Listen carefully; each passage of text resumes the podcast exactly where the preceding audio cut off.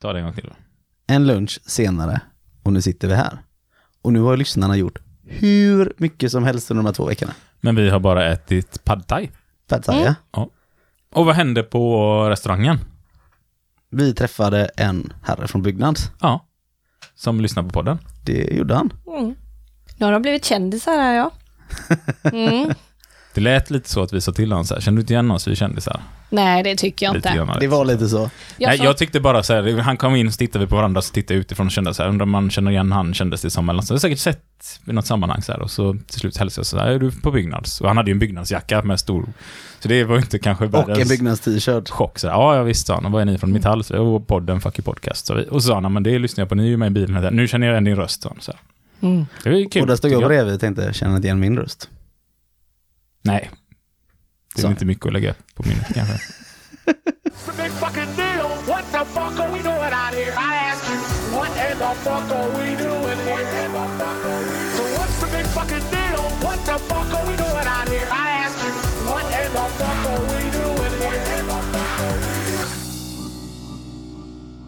Då är vi tillbaka med Caroline. Ja, Välkommen tillbaka du också. ja tack Fast vi så har bara varit och mycket. käkat lunch, så det känns lite konstigt att säga så.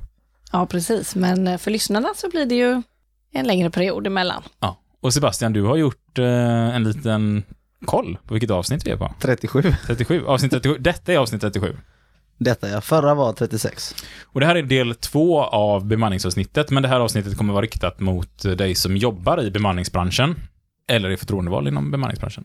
Eller tänker bli förtroendevald. För det tror jag flera stycken kommer bli efter att ha lyssnat på det här. Ja, det hoppas jag. Och för de som inte vet vem Caroline är, så är ju du förtroendevald inom bemanningsbranschen. Precis. Och det är en Eh, liten längre presentation av dig i förra avsnittet. Men du är inte bara i bemanningsbranschen, utan du sitter med i avtalsrådet, du är handledare, eh, du är ordförande i bemanningskommittén. Jag sitter med i avdelningsstyrelsen för IF Metall Göteborg och sen så är jag även regionalt fackligt ombud då. Så att eh, ja, det är en del olika uppdrag. Men mitt främsta uppdrag det är, det är ju faktiskt eh, förtroendevald på ett eh, bemanningsföretag i Göteborg. Där jag verkar och är skyddsombud och kontaktombud tillsammans med två stycken andra kollegor. Och även varit kongressombud är viktigt att lägga till här, tycker jag. Mm. Varför nämner vi alla de här uppdragen? Det är ju för lite för att visa på det här att det går, ta mig fan visst, att engagera sig i bemanningsbranschen. Ja, ja, absolut. Jag skulle inte vilja säga att det är någon skillnad. Det är, eller det är ju skillnad att engagera sig på det sättet att det, att det inte finns så många, men ehm, ja. Det ska vi beta ut idag i alla fall, hur det har gått till och din väg dit och lite sådär. ja. För ibland hör man liksom grejer att eh, personer tycker att nej men det går inte att engagera dem i bemanningsbranschen, det är alldeles för svårt, de har för dåligt, eh, för, dåliga förutsättningar för det. Men det ska vi bryta hål på lite, den myten i alla fall. Mm. Att ni, ni är inga offer i den frågan. Offer, offer. Jag tror att ehm, det är klart att det kan finnas svårigheter, men ehm, man ska ju inte glömma av att det, de svårigheterna finns även på andra bolag också. Alltså, så att ehm, nej, det går om man vill och vi, det är ju fackföreningen som får se till att eh, skapa förutsättningarna och ja, ta kontakt med företag och bygga relationer. Vad mer ska vi prata om idag då?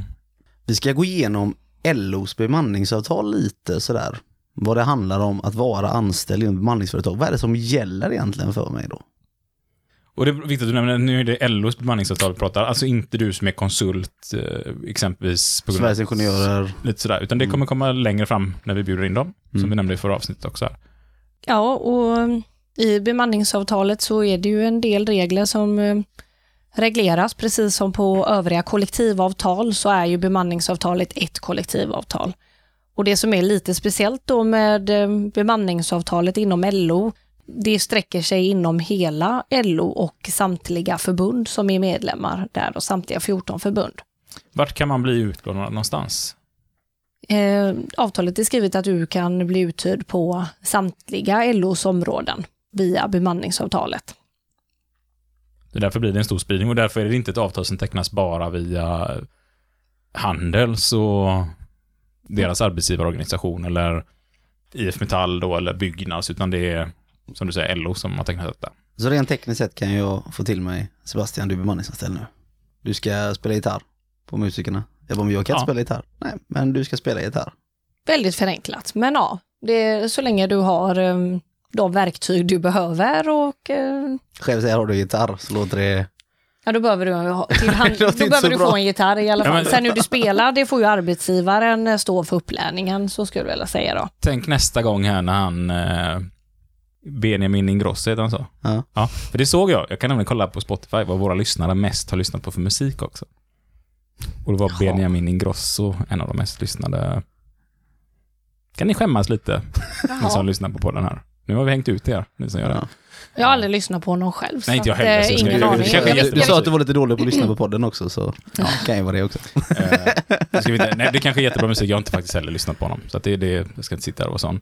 Eh, men nästa gång han ska ut på turné så kanske hans gitarrist är sjuk. Mm. Och då kan Sebastian hoppa ut där. Eller Om- Caroline. Om jag var bemanningsanställd då, ja. Skulle det bli bättre eller sämre konsert tror ni? Jag tror det skulle bli bättre. Ja. Jag är ju med liksom för det första. Det är ju lite roligare än Peter Ingrosso.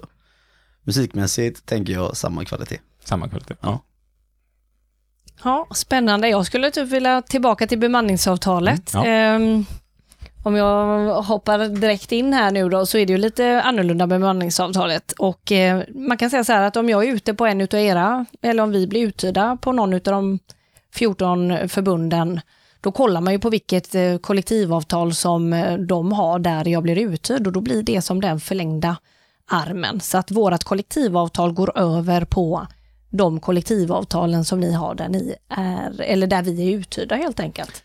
Men vad skulle det här innebära då för praktiken? Om vi, vi tar min arbetsplats här nu då. Du Mm. blir utlånad till vår arbetsplats.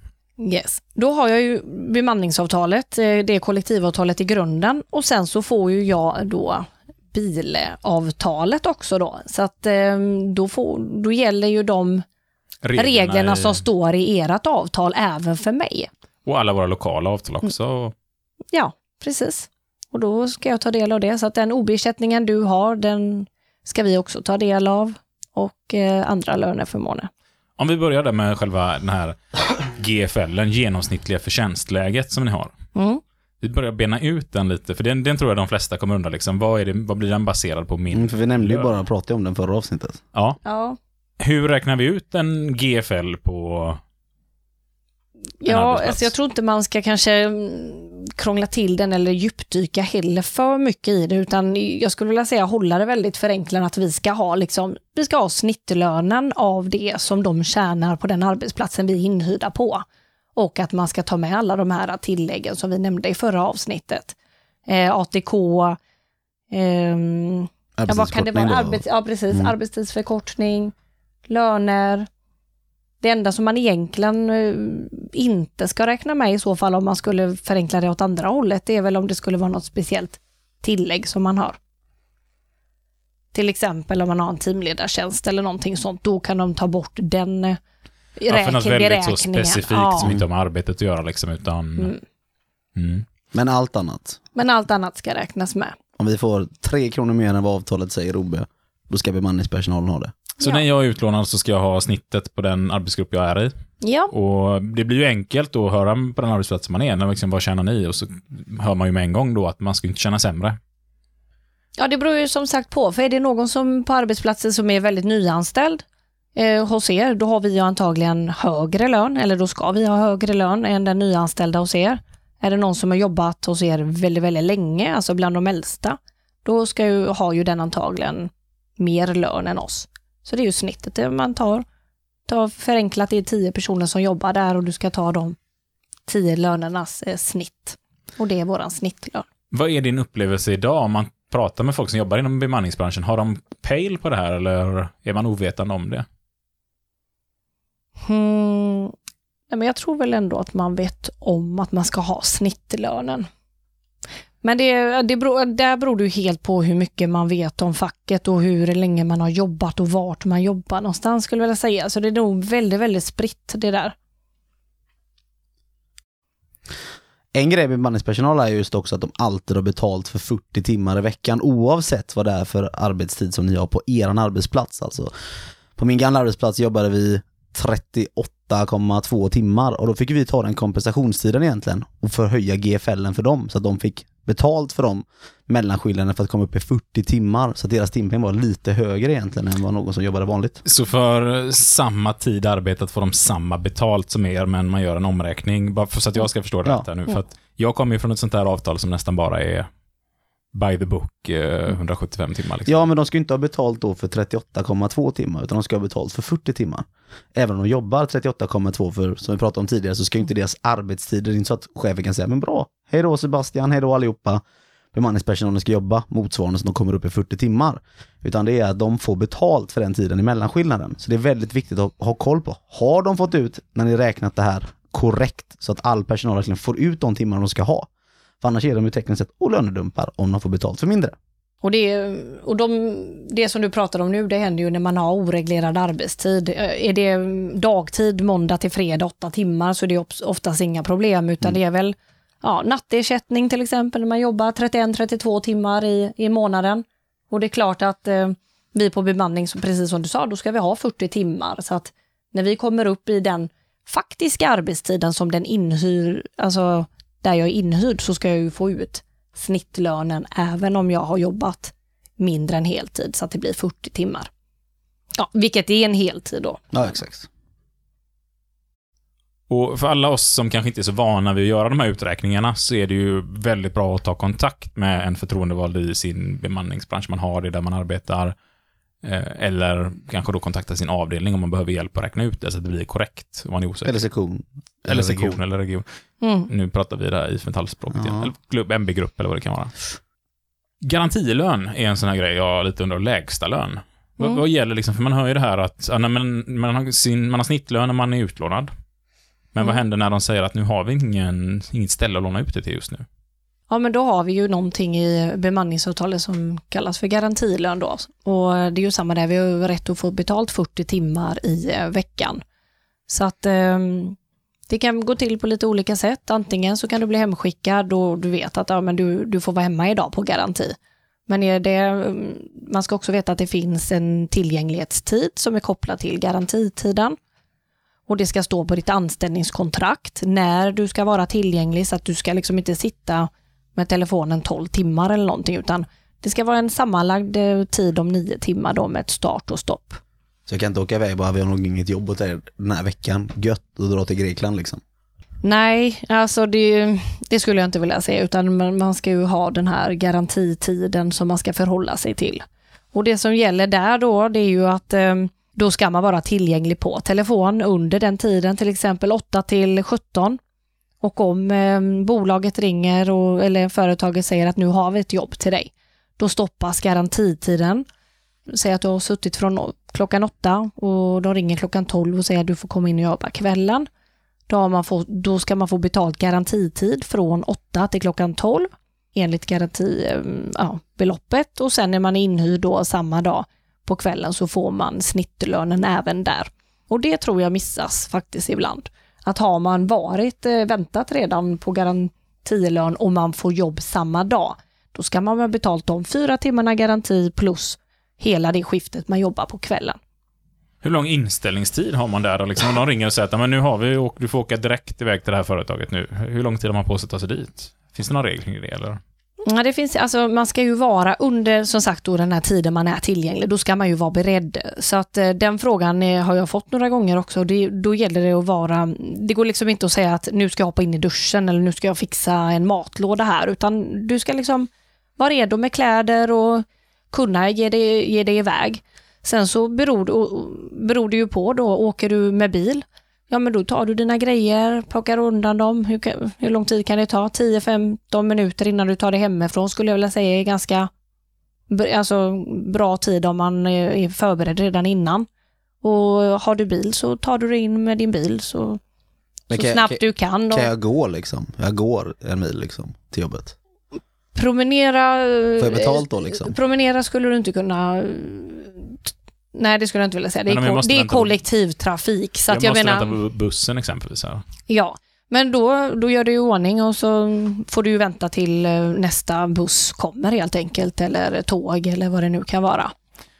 Och då har jag en känsla att man kan inte, som mig, jag bor här, det går bara en buss på morgonen och en på kvällen, men det kanske inte är hållbart argument här i Oj, ja. avancerad fråga. Det är ganska intressant. Ja. Nej men där tror jag att man hade, alltså det finns ju alltid liksom, men tänk om du inte har det. Och jag har aldrig stött på det innan att man inte har tillgång till eh, alltså, kollektivtrafiken så. Men i ditt fall då om du skulle liksom varit anställd i ett bemanningsbolag så hade man ju behövt att komma överens om hur gör man. Och det ligger, jag skulle vilja säga att det ligger ju på bemanningsföretaget att se till eh, om de inte vill att du promenerar eller någonting annat, att du kommer iväg i tid. Men har jag betalt under min restid eller hur funkar det om du säger, kan du åka in nu? Ja, men ehm, som sagt, du har ju rätt till att få betalt åtta timmar per dag. Så när du väl, om du blir uthyrd samma dag och behöver ta dig dit så får du betalt eh, de timmarna som du är uthyrd till det andra bolaget och resterande timmar betalas ju då via garantilön. Om man säger. Och skulle det nu vara så att du redan har suttit och väntat fyra timmar innan att du får samtalet, då, plus att du hinner jobba ett helt kvällsskift, då får du de fyra timmarna garantilön plus hela kvällsskiftet. Men annars så, eh, normalt sett så stoppas garantitiden när du får samtal om det. Och sen så får man ju se då att skulle du, skulle du mot förmodan inte komma upp i åtta timmar, då täcker ändå garantilönen in för resterande timmar. Men normalt sett så vet man dagen innan vad man ska jobba och då är det upp till en själv att man ska veta av hur man tar sig till jobbet, antar jag. Ja, precis. Det är inte så himla ofta, men eller jag ska inte säga att det inte är så himla ofta, för nu pratar jag bara utifrån där jag själv är anställd. Det är klart att det finns många inom bemanning som har suttit hemma och liksom väntat på jobb. Men har man bara rätt att sitta hemma då när man eh, är på garantilön? Ja, alltså de kan ju be dig sitta på företagets kontor, men det skulle jag vilja säga att de seriösa bolagen gör ju inte det.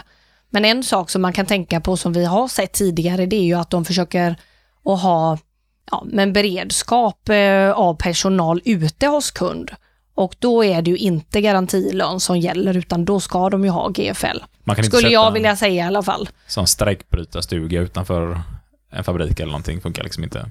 Nej, men det är ju något helt annat. Ha Vi får ju inte bryta strejkrätten överhuvudtaget. Fem, fem bemanningsanställda. Ja, nej, men om det är exempel, man kan inte låta folk sitta och vänta på att någon är sjuk sådär att liksom nu har vi tio personer som sitter och väntar ifall någon blir sjuk idag. eh, Utanför bolaget liksom. utanför bolaget, ja, men, så gör ju inte de seriösa, men eh, inne, alltså du kan inte ha någon i produktion eller i, i, fabriken eller vart är uthyrd som står och väntar vid sidan.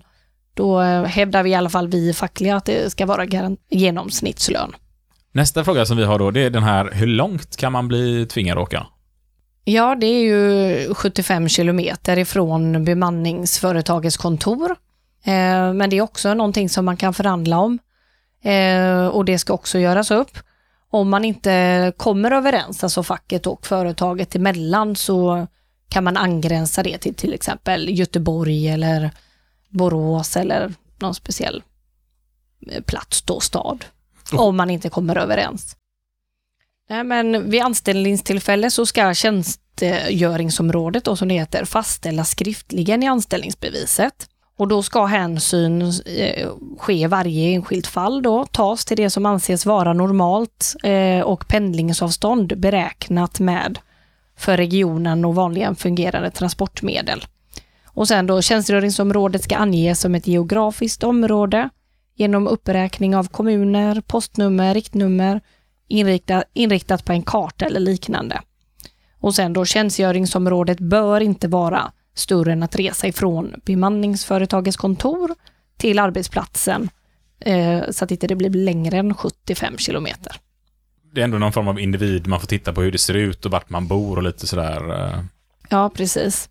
Eh, ja, men- Och det är ju väldigt viktigt att veta liksom, så att man, bor man på norra Öland så kan de liksom inte säga att nu ska du jobba 75 eh, kilometer fågelvägen här rätt över havet till var man nu hamnar. Jag vet inte. Jag vill säga Oskarshamn, men det ligger nog längre söderut. Men någonstans så lite, liksom. Vad dåligt geografiskt det blev här precis. Men, men man kan liksom inte tvinga folk eller åka tvärs över inte komma på Vänern. någonting Nej. närmare liksom. Närmare. än Öland. Så du typ kan geografiska måtten på liksom. Ja, men jag- det var ju tvungen att vara en ö tänkte jag, så vi ska åka över vatten. liksom, Jaha, det blir svårt. så. Så. Men så jag menar Ja, liksom. okej. Men att kanske bor man någonstans i Norrland där det är normalt att åka 75 km, det har man ju kanske eh, Friggeboden 75 km Mm. bort. Det Liksom. blir bemanningsföretag lägger sig på den liksom ön som är mellan typ Köpenhamn och Malmö eller vad det är. Där lägger man bemanningskontoret så du får bara pendla mellan Danmark och Sverige hela tiden liksom. Ja. Det hade varit orimligt. Ja. Nu svävar vi iväg här igen. Ja, Caroline kollar argt på oss. här. Hon tar över Jims roll ganska bra med att vara lite sur på oss. Hon har ju haft svävar. ordning på oss ganska länge i andra forum också faktiskt. Så Ja. hon är van vid det. Så att vi får ja det är lugnt. hoppa in på nästa fråga här då. Kan man vägra att ta ett jobb? Mm, nej, det skulle jag inte vilja. Man kan inte vägra bara för att man bara inte vill. Det skulle jag inte kunna säga. Och det är just, mm, utan det ska i så fall ha någonting med Ja, men om man eh, inte har förutsättningar till det på grund av arbetsmiljö eller eh, hälsa eller på grund av, du kan inte åka ut en viss arbetstid en viss tid på grund av att du måste lämna eller hämta barn eller något liknande. Men eh, att bara säga att jag, in, jag vill inte liksom, för att jag tycker inte om det här, det, det går tyvärr inte. Men en sak, en ypperlig sak kan ju vara då att man inte gjort medicinska kontroller i förväg då, om man ska bli ute någonstans med isocyanatarbete exempelvis. För då blir det ju farligt att åka dit. Eh, men det kräver ju även arbetsmiljölagen in egentligen, talar om att Mm. Och nu kanske vi inte ska gå in i just enskilda beroende på vad det är för kemikalier, men det, eh, det beror ju helt på Ja, det är klart att säger lagen att man får inte jobba med detta utan att göra det här testet, då är det ju självklart att vi inte heller får gå dit. Så är det ju.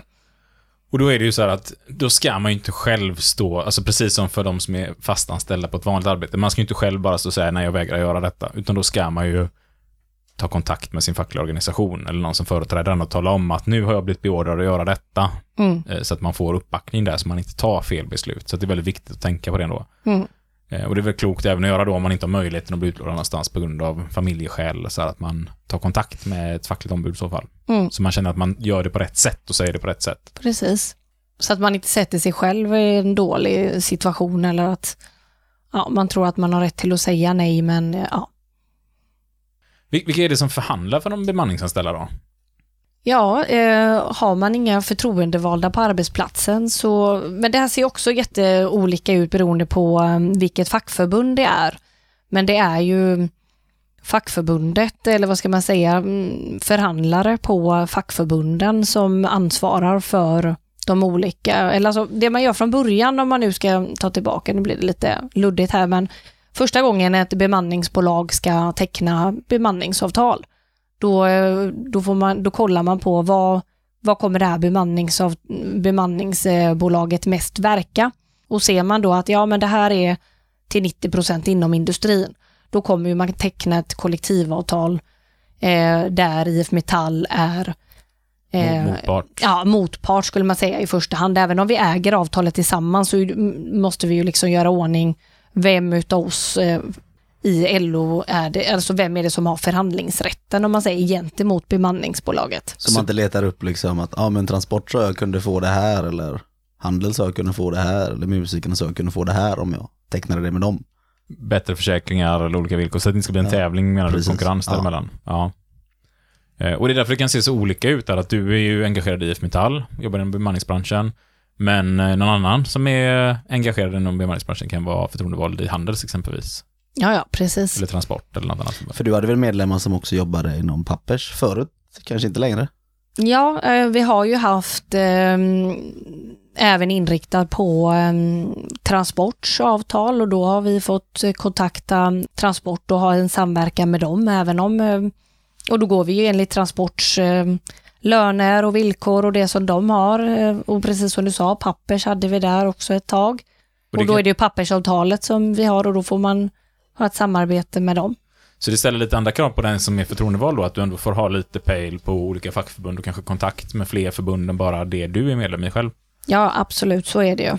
Alltså jag försöker ha en facklig samverkan med alla de bolagen där vi har uthyrda. Hur fungerar det samarbetet tycker du? Jo, men det fungerar det fungerar okej skulle jag vilja säga. Det är ju ganska nytt ändå att ha bemanningsföretag, även om det inte är nytt nytt. Så vi försöker ju ha en eh, samverkan kring arbetsmiljön. Om någonting händer så ringer jag till eh, ansvarig på plats, eh, eller eh, Eh, närmsta fack, fackombud på den arbetsplatsen och hör. Så att eh, det är ett jättestort verktyg, eller det är ett nödvändigt verktyg för mig som är fackligt förtroendevald i bemanningsbranschen. Att ha förtroendevalda på arbetsplatsen där vi är inhyrda, för det är ju de som står för eh, arbets eller som har hand om arbetsmiljön. Och sen är det ju lite svårare, säg att det är någonting du behöver ändra på en arbetsplats då är, då är det inte så populärt om jag som skyddsombud på ett bemanningsbolag skulle gå in och kräva någonting, utan det får ju de skyddsombuden som eh, jobbar på arbetsplatsen ta. Ja, för är det som så att de bemanningsanställda utsätts för en farlig arbetsmiljö så är det troligtvis även ordinarie personal som gör det också, eller ska Ja, jo men så är det ju. Mm. Ehm, Ja, och det, det är väl också en sån här viktig fråga som dyker upp. Då. Vem är det som ska tillhandahålla, tillhandahålla skyddsutrustningen när man utlånar någonstans? Om jag behöver skyddshandskar och skor och, eller glasögon och här grejer. Mm. Jag skulle vilja säga att det är ju bägge, alltså både det inhyrande företaget och företaget som man är anställd på som, eh, som har ett ansvar att eh, personalen har rätt utrustning. Det blir liksom ett dubbelt ansvar för att båda ansvarar för sina anställda. Ja, Eh, Och arbetsmiljölagen säger ju det att alla som arbetar på stället gäller arbetsmiljölagen för, så det spelar egentligen ingen roll om du är inlånad eller inte, så ska arbetsmiljölagen gälla där du är och arbetar. Ja. Eh, Och likadant blir det då för utlåningsföretaget. Mm. Men bemanningsföretaget har ju sitt ansvar att de har, måste ju fortfarande ta hand om sin personal. Så säger ens arbetsmiljölagen kopplat till personlig skyddsutrustning egentligen. Att det är arbetsgivaren som ansvarar för att personen har rätt personlig skyddsutrustning. Så de har ju faktiskt en viktig roll bemanningsföretaget att fråga företaget som de bokar ut sin personal till då att vad är det som krävs för det här arbetet här? Hur ser det ut med permission och semester och sånt då, som ligger i, som i alla fall jag i, i mitt avtal? Jag har ju rätt att få permission ibland. Eh. Mm. Nej, men vi har ju precis som eh, andra avtal också olika permissionsdagar som vi har rätt att ta ut. Och eh, Det är ju då till exempel vid eget bröllop, när du fyller 50 år, eh, förstagångsbesök hos läkare eller tandläkare vid akut sjukdom då, eller olycksfall. Besök vid sjukvårdsinrättning efter remiss av företagsläkare eller av annan läkare som arbetsgivaren anvisat. Om den läkare till vilken arbetstagaren remitterats föreskriver återbesök beviljas permission för högst tre sådana återbesök då.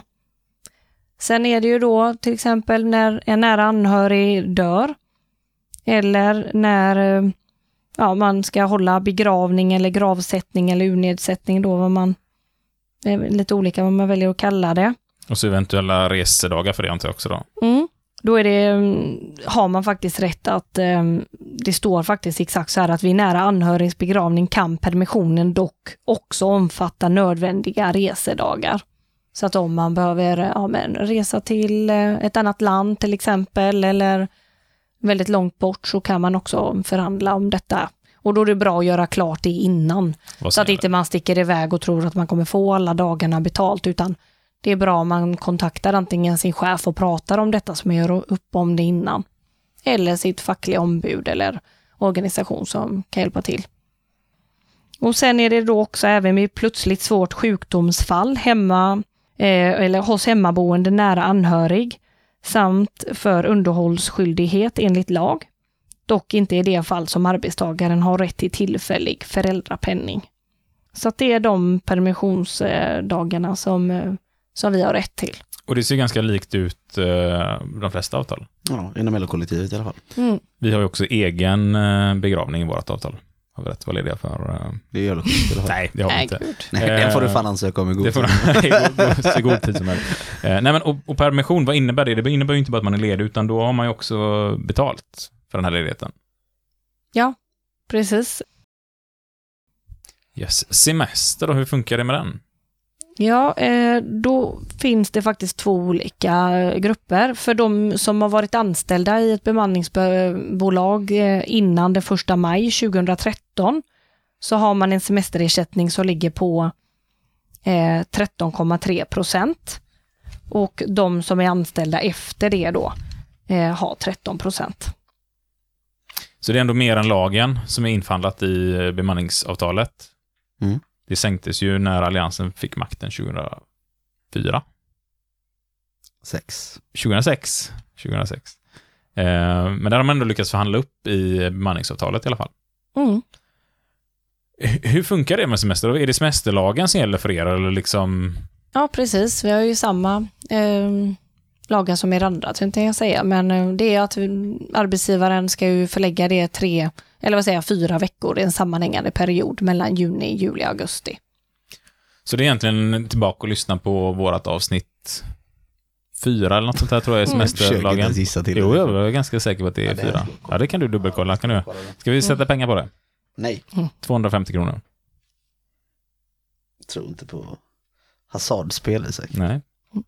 En annan bra grej att tänka på som eh, nyanställd inom eh, ett bemanningsbolag, det är ju att eh, arbetsgivaren kan ju aldrig kräva att du eh, tar ut, eh, alltså att du tar ledigt om du inte har sparad semester, utan är det nu så att du eh, får en anställning en månad innan semestern påbörjar, så har ju inte du tjänat in någon semester, vilket innebär att de heller inte kan tvinga dig att ta ledigt utan betalning. Eh, För sådana fall har vi sett tidigare. Men eh, när det har kommit till våran kännedom då så har man ju förhandlat, eller förhandlat, man har ju pratat med den, eh, det företaget och sett till att de får det de ska ha. Och då Då, är det ju blir det lön som betalas ut egentligen. Ja, då är det ju lägst, alltså garantilön som de ska ha om inte de, om de nu inte har något jobb för tillfället under semesterperioden.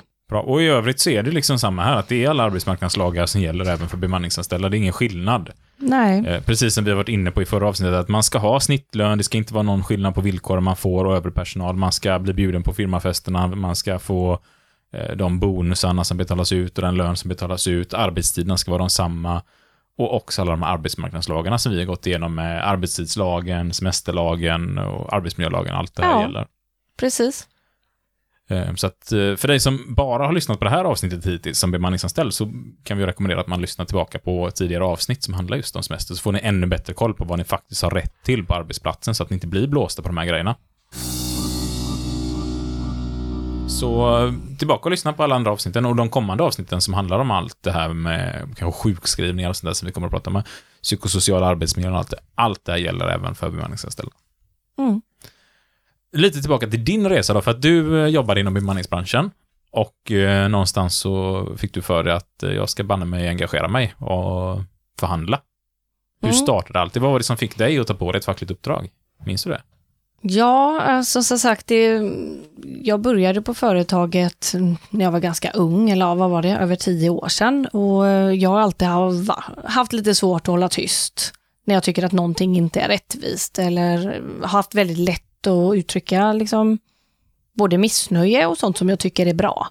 Så att eh, när det, det var ingen på den arbetsplatsen som, som jag jobbar på som var förtroendevald innan mig. Så jag ska vara helt ärlig att innan innan jag blev eh, medlem och innan jag blev facklig förtroendevald så hade jag inte så stor kunskap om vad facket egentligen gjorde i sin helhet utan jag tänkte väl på något sätt att ja men facket är någonting som jag behöver eh, om jag har problem och jag tyckte väl inte att jag hade problem när jag började eller så. Sen så var det faktiskt så att jag mm, vi, eh, det var min mamma som frågade mig eh, men vad har ni i skiftformsersättning? Vadå skiftformsersättning? Jag hade ingen aning vad det var. Jag var väl 18 år då eller något. Och sen så började jag undersöka det. Kollade med de förtroendevalda som vi hade och på det spåret är det nog lite. Eh, med en blandning av att jag har haft väldigt lätt att prata. Så att när vi väl skulle ha ett val eh, på min arbetsplats så eh, kändes det ganska naturligt att ställa upp samtidigt som jag hade redan massa kollegor som kom till mig redan innan och frågade grejer eller att jag skulle ta det med företaget. Mm. Lite på det spåret. Ja, och liksom hur, hur kom du igång då? För jag kan tänka mig då så här att det kan ju inte vara lätt eh, och liksom bara på en arbetsplats utan någon... Sebastian har ju samma bana, börjat engagera sig på en arbetsplats där ingen tidigare var engagerad. Mm. Eh, Och så dessutom då utlånad, för jag tänker att du står inte och jobbar ihop med alla dina kollegor, utan ni är lite utspridda, eller hur ser det ut hos er?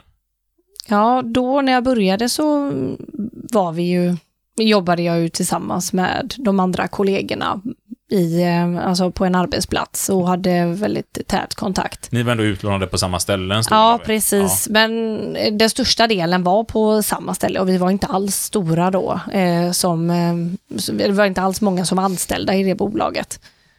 Eh, men min, min resa då, alltså hur... Eh, det är ju inte så att man hoppar in från en dag till en annan och kan allt, utan jag, det är väl de här utbildningarna som jag har fått gå via IF Metall som har eh, fått mig till att växa i min roll. Om man säger sakta men säkert. Och ju mer utbildningar som jag har gått, desto mer har jag förstå, eh, förstått fackets värde och eh, blivit mer och mer intresserad för varje utbildning. Och då är det också förtroendemannalagen du har använt, precis som alla oss andra eh, Mm. fackliga, eh, med samma rättigheter och rätten att ta ledigt och allting. Mm. Men hur var det liksom i början när du ska ta ledigt för, för då är du uthyrd på ett annat ställe, det är inte, du tar inte, hur funkade det för dig när du skulle ta ledigt och sånt där liksom? Ja, vad jag minns så hade jag i, alla fall, det var inget problem från, eller från min sida, ska jag bara säga vad jag kommer då. Sen vet jag inte hur företaget har haft det, men jag upplevde inte att det var några konstigheter att jag var borta då och då, utan det var ju som, ja men vilken annan frånvaro som helst. Man kan vara sjuk, man kan åka på semester, så jag, jag tror inte att det har varit någon skillnad att ta ledigt på grund av det. Och det är ju, vet ju inte de som är där jag var inhyrd, vet ju inte att jag kanske var ute på eh, fackkurs eller ja. Jag har ingen aning riktigt vad de visste där, men jag, jag tyckte ändå det, eller det har gått bra. Det var väl lite kanske jobbigt i början att vara förtro, eller var, bli förtroendevald på, på företag för att ingen har gjort det innan, men jag tycker ändå att jag fick en en okej relation. Men eh, om jag jämför hur det var från början och hur det var nu så har det ju blivit mycket, mycket bättre nu. Utan att säga att det varit jättedåligt innan. Så kan jag väl säga att det är mycket bättre nu. Och det, men det tror jag många känner igen sig i att eh, ändå när det finns en ovana med det här och veta vad som är rätt. Jag tror att mycket beror på okunskap kanske hos företagen och våra chefer också, att de inte alltid har stenkoll på vad har ni för rättigheter och så där iväg. Så att, Nej, man får ju lära sina chefer nästan i början hur, hur det är, för de har aldrig kanske stött på det motståndet. Ja, även i stora företag där det har funnits ja. facklig verksamhet länge och man är på olika avdelningar och sådär. Så att det, det tror jag många lyssnare kan känna igen sig också. Eh, Men det var ändå så här att hur många var ni som blev förtroendevalda när du drog igång? Ja, det var bara en som vi valde då och om jag minns rätt 2011 där, det blev ändå ett val för det var ändå flera. Jag tror att vi var 50 medlemmar då, om inte jag minns fel. Och då valde vi en. Och sen nu då har vi ju blivit tre stycken förtroendevalda på senare år. Så nu försöker jag eh, helt enkelt se till att eh, dela på uppgifterna, men det är också lite och vad, vad gör ni? Vad är liksom största delen som ni lägger tid på? Eller vad är det ni gör eh, för medlemmarna, liksom, ni som är förtroendevalda? Förmedla idag? information. Eh, Vi har en Facebook-sida som bara är eh, för medlemmar som är anställda på bolaget då, där vi skickar ut information. Det mm, medlemmar ringer och frågar om sin lön, om sina rättigheter. Ja, men jag skulle vilja säga att det är precis som vilken annan förtroendevald som helst, förutom att vi egentligen inte kan förhandla om våra löner. Utan den största skillnaden vi ser ju att vi bevakar och ser till att vi får de lönerna som vi ska ha, så att inte det är felaktigt. Alltså era Kontrollerar löneförhandlingar, GFL, kontrollerar lönerna. Ehm, De hänger lite mer på att vi som är på en lokal klubb någonstans har förhandlat upp lönerna där ni blir utlånade helt enkelt. ja, det och att bemanningsbolaget också ger oss rätt till lön i, i andra riktningen sen. Vad är, vad är din bild om man tittar på olika bemanningsföretag eh, som finns runt omkring så här, där det finns förtroendevalda inom bemanningsbranschen kontra bolag där det inte finns några förtroendevalda? Nej, men jag skulle vilja säga att um, det är ju mer seriöst, alltså det blir mer seriöst på de bolagen där man har fackligt förtroendevalda. Mär- Märks även det liksom på företagen som hyr in bemanningspersonal, att man uppskattar att ta in från de bolagen som är mer seriöst skötta. Ja, men det skulle jag vilja säga. Vad har du nu för råd liksom, till en bemanningsanställd som känner att men jag vill komma igång med det här, jag vill börja engagera mig, företräda mina kollegor, eh, se till att vi har schyssta villkor och sköter arbetsmiljö och allt sånt här. Mm. Alltså det första du ska göra det är att kontakta din eh, avdelning helt enkelt och eh, börja gå på utbildningar. Det är liksom A och O. Eh, all, samtliga fackförbund har ju en mängd olika utbildningar som du kan gå. Och dessutom så får du också ett skattefritt fritt stipendium. När du väl tar ledigt från din arbetsgivare så betalar fackförbunden för att du ska få den information som du behöver. Inom LO-kollektivet i alla fall. Inom LO-kollektivet, precis. Och sen efter det så mm, går du fler och fler utbildningar och pratar med organisationen. Vem är det jag ska prata med om jag vill göra det här? Väldigt bra också om man, har, om man kan prata med sina arbetskollegor liksom, och samla en, en rad olika medlemmar som säger samma sak. Ja, för ni, ni har också rätt till de här eh, fem timmarna facklig information per år på betald arbetstid eller? Enligt UVA-avtal, ja precis. Det har vi ju. Så det, det är inget särskilt skrivet på bemanningsavtalet utan eh, eh, UVA, UA-timmarna. UVA-timmarna precis gäller ju även för oss som är på bemanning. Exakt samma som alla oss andra som vi har nämnt innan. Och om vi blickar framåt till förbunden nu, liksom, vad behöver förbunden och avdelningarna göra för att skapa möjligheter för förtroendevalda, tror du, för att kunna engagera fler förtroendevalda, få fler förtroendevalda att utbilda sig inom bemanningsbranschen? Ja, men satsa på att eh, rekrytera medlemmar till medlemsutbildning. Ha, eh, det beror på vilken avdelning det är, så ha fler utbildningar, kanske även köra dem utanför arbetstid på kvällar eller helger så att man öppnar upp.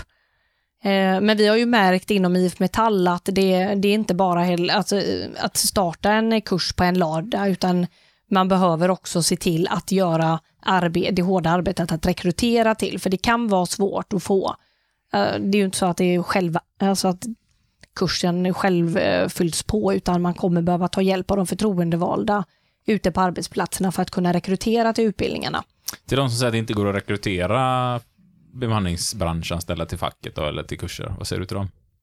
De skulle jag nog eh, råda att gå någon utbildning hur man rekryterar och pratar med medlemmar för att eh, det går absolut att rekrytera bemanningspersonal. Jag skulle vilja säga att det ibland är till och med mycket enklare att göra det än på en annan. Men jag, jag, jag gillar inte att göra skillnader så. Utan jag skulle vilja säga att det är, så länge vi kan förklara varför man ska vara med i facket så kommer man att bli medlem. Det är väldigt, väldigt få som inte blir det om man kan förklara till en medlem. Och jag vet ju att både... Eller till, em, till em, en anställd. Ja, och jag vet att både ni två ihop har kört jättemycket kurser för bemanningsanställda, rekryterat jättemycket bemanningsanställda, så att det är ju absolut möjligt. Mm. Eh, Om vi, om vi blickar framåt så är det liksom, vad, vad ska fackföreningarna göra överlag för bemanningsbranschen för att liksom få igång mer aktivitet i bemanningsbranschen? Vad skulle du säga rent spontant då? Jag tror att den allra viktigaste delen är faktiskt att få till fackligt förtroendevalda på bemanningsbolagen. Annars så kommer vi liksom behöva springa och springa och springa och, och ja, det, det är precis som om du tänker alla klubbar som vi har ute där idag. Hur skulle vi kunna eh, ha ett eh, ordentligt fackligt arbete om vi inte hade klubbarna? Det är ju precis den situationen som vi är i idag på bemanningsföretagen. De flesta bemanningsföretagen har inga förtroendevalda. Och det är, det är det som är det absolut största problemet. Och det är ju vi, som sagt, inom fackföreningsrörelsen som får se till att rekrytera, göra upp en plan och det behöver vi göra ganska snabbt. Det är liksom inte någonting som, det skulle redan ha varit gjort tills nu. Det är min personliga åsikt.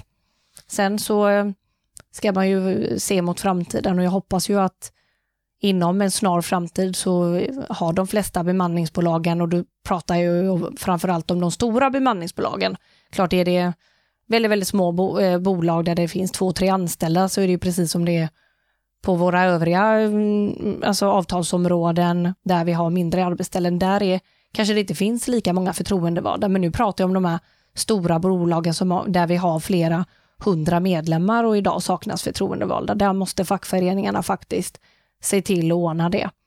Och det är ganska omgående, så skulle jag säga, för att vi ska kunna se till att eh, vi får det som Skapa förutsättningarna liksom Ja. för att få fler förtroendevalda. precis. Eh, Jag tänkte också vända mig till Sebastian här, för att eh, jag vet du, är, du har varit med en av de klubbarna som har jobbat extremt bra med eh, bemanningsfrågan i förhållande till alltså, konkurrerande företag i samma bransch, Mm. om vi säger så. Mm.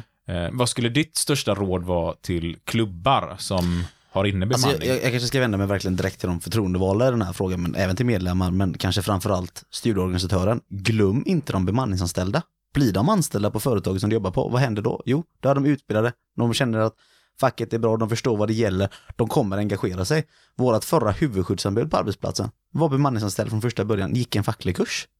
Alltså, glöm inte de bemanningsanställda när det kommer till information och, och inkludera dem i allt. Alltså, om vi på företagen som är, alltså, som är anställda i, i, i huvudföretaget, eller vad man ska säga, eh, separerar de bemanningsanställda från oss, då gör vi en stor jävla miss egentligen. För då hjälper vi företaget egentligen att, att det finns en skillnad på oss och det är det de vill ha ibland när det kommer till timbemanning. Om vi säger att det här är exakt samma, det är samma villkor som gäller, vi är lika bra kompisar, vi är lika liksom sammansvetsade som vi är. Vi är organiserade, för vi är fortfarande med i samma fackförening med största sannolikhet när de är ute på våra företag. Då kommer företagen inte se någon vinst heller att ta in bemanningsföretaget när de kommer anställa. Eller så kommer de försöka liksom eh, byta ut bemanningspersonal som de gjorde på min arbetsplats i början. Det hände ju bara att de blev engagerade på andra arbetsplatser istället och skapade engagemanget där. Och vi tog in nya personer som vi eh, liksom lärde upp på nytt. Så glöm verkligen inte av bemanningspersonalen, gör inte två läger. Ja, väldigt bra sagt. Eh, och en annan bra grej som klubbarna kan göra om ni inte har det idag. Eh, gör ett informationsblad eh, där ni skriver lite om klubben och att du är uthyrd på ett företag och här gäller de här reglerna. Ni kan även kontakta oss i klubben i vissa frågor. Sen kommer ju klubben kunna svara på väldigt, väldigt många frågor, men om det blir en, liksom, en förhandlingsfråga, då kommer klubben eventuellt behöva skicka över det till en ansvarig ombudsman. Om inte man inom fackförbundet faktiskt har delegerat eh, förhandlingsmandatet. Och det är också någonting som jag ser att vi förtroendevalda eller fackföreningsrörelsen behöver göra idag, att man kanske delar ut eller att man delegerar det här förhandlingsansvaret till eh, klubbarna i vissa frågor. Lite svårt att säga exakt vad det kommer att bestå i, utan jag tror att det är någonting man får jobba fram. Eh, vilka frågor som klubben kan ta och avdelningen. Och jag, jag tycker personligen att man också ska tala om att det är vi tillsammans som har förhandlat fram den här GFLen som man är inne på. Det är lätt att tro att ja, men bemanningsavtalet reglerar ju att de ska ha GFL när de är inne. Men man ska fan inte glömma vilka är det som är bemanningsavtalet. Vilka har tecknat bemanningsavtalet? Det har vi tillsammans gjort, alla medlemmar inom LO.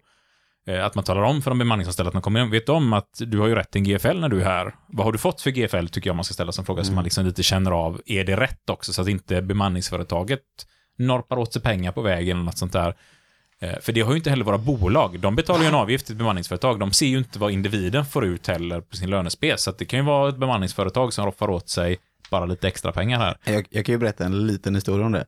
Jag var så duktig på att rekrytera på ett bemanningsföretag som vinner hos oss, så att beman, han som var alltså platschef för hela jävla bemanningsföretaget, när han körde ut ny bemanningspersonal till min dåvarande arbetsplats så sa han, det finns en kille som heter Sebastian där inne. Han kommer försöka prata med dig om facket, men du behöver inte lyssna på honom. Det var ju lite fint att säga det. Ja. Tillbaka till den här patron nästan. Heders, där. hedersmedaljen jag fick där kände jag. Ja. Eh, nej men, och så tillbaka till det att man verkligen talar om att det är ju vi som har förhandlat fram den här. Hade vi inte haft bemanningsavtalet så hade du kanske stått här på 110 spänn i timmen eller 104 kronor i timmen eller något. Eller, eller kanske inte ens det. Eh, så, att, så att man verkligen förstår att den här fackavgiften som du kanske betalar, den har du redan tjänat in på ditt medlemskap många gånger om när du blir anställd för att vi har redan förhandlat fram en bra lön till dig. Eh, eller förhoppningsvis bra lön. Det kanske är skitlönen, men i alla fall en bättre lön än vad det hade varit utan avtalet. Så kan vi säga i alla fall. Absolut.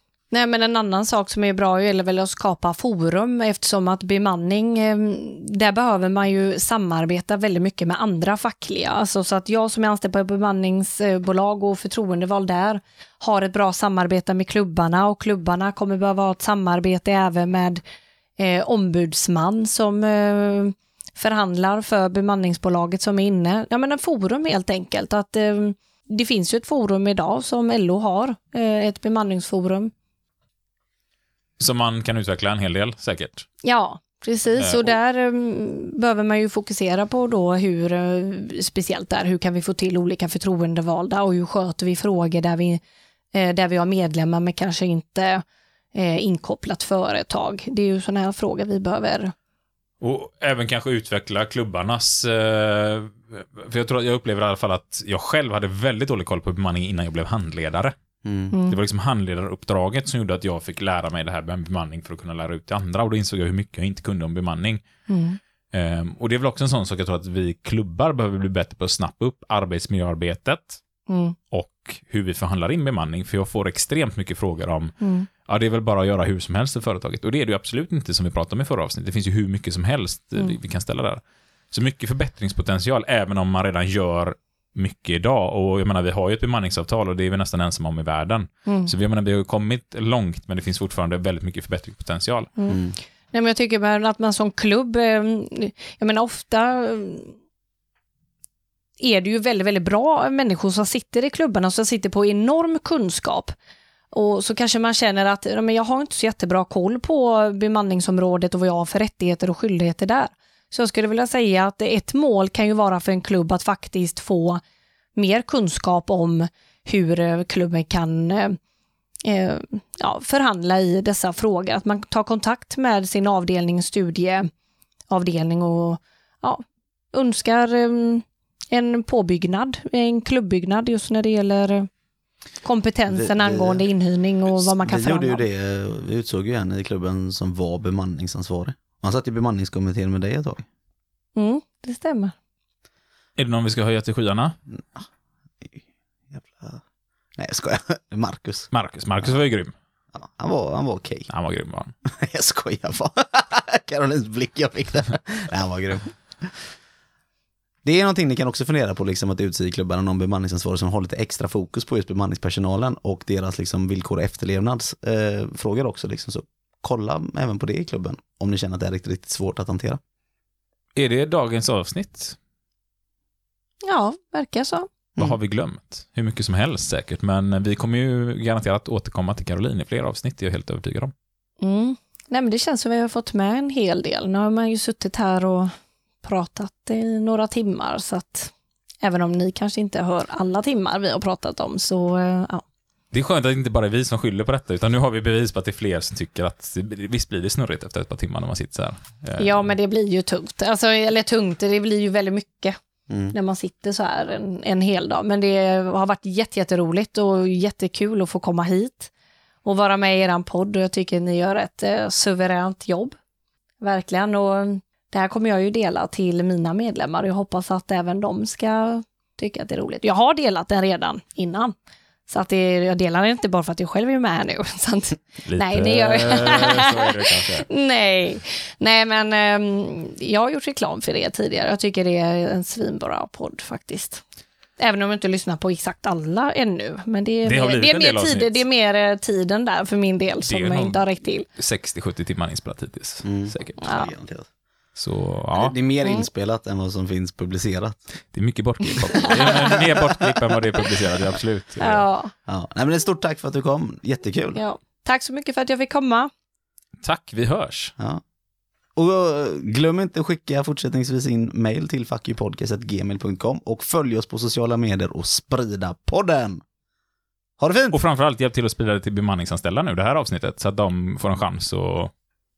Ja, och är det någon nu som lyssnar som är eh, anställd inom ett bemanningsbolag och vill ställa frågor så mejla in till, eh, till podden så kan de ju säkert... Eh, Vidarebefordra det till Caroline. Yes! Och det gör man på fuckyoupodcast gmail.com. Ha det fint! Ha det!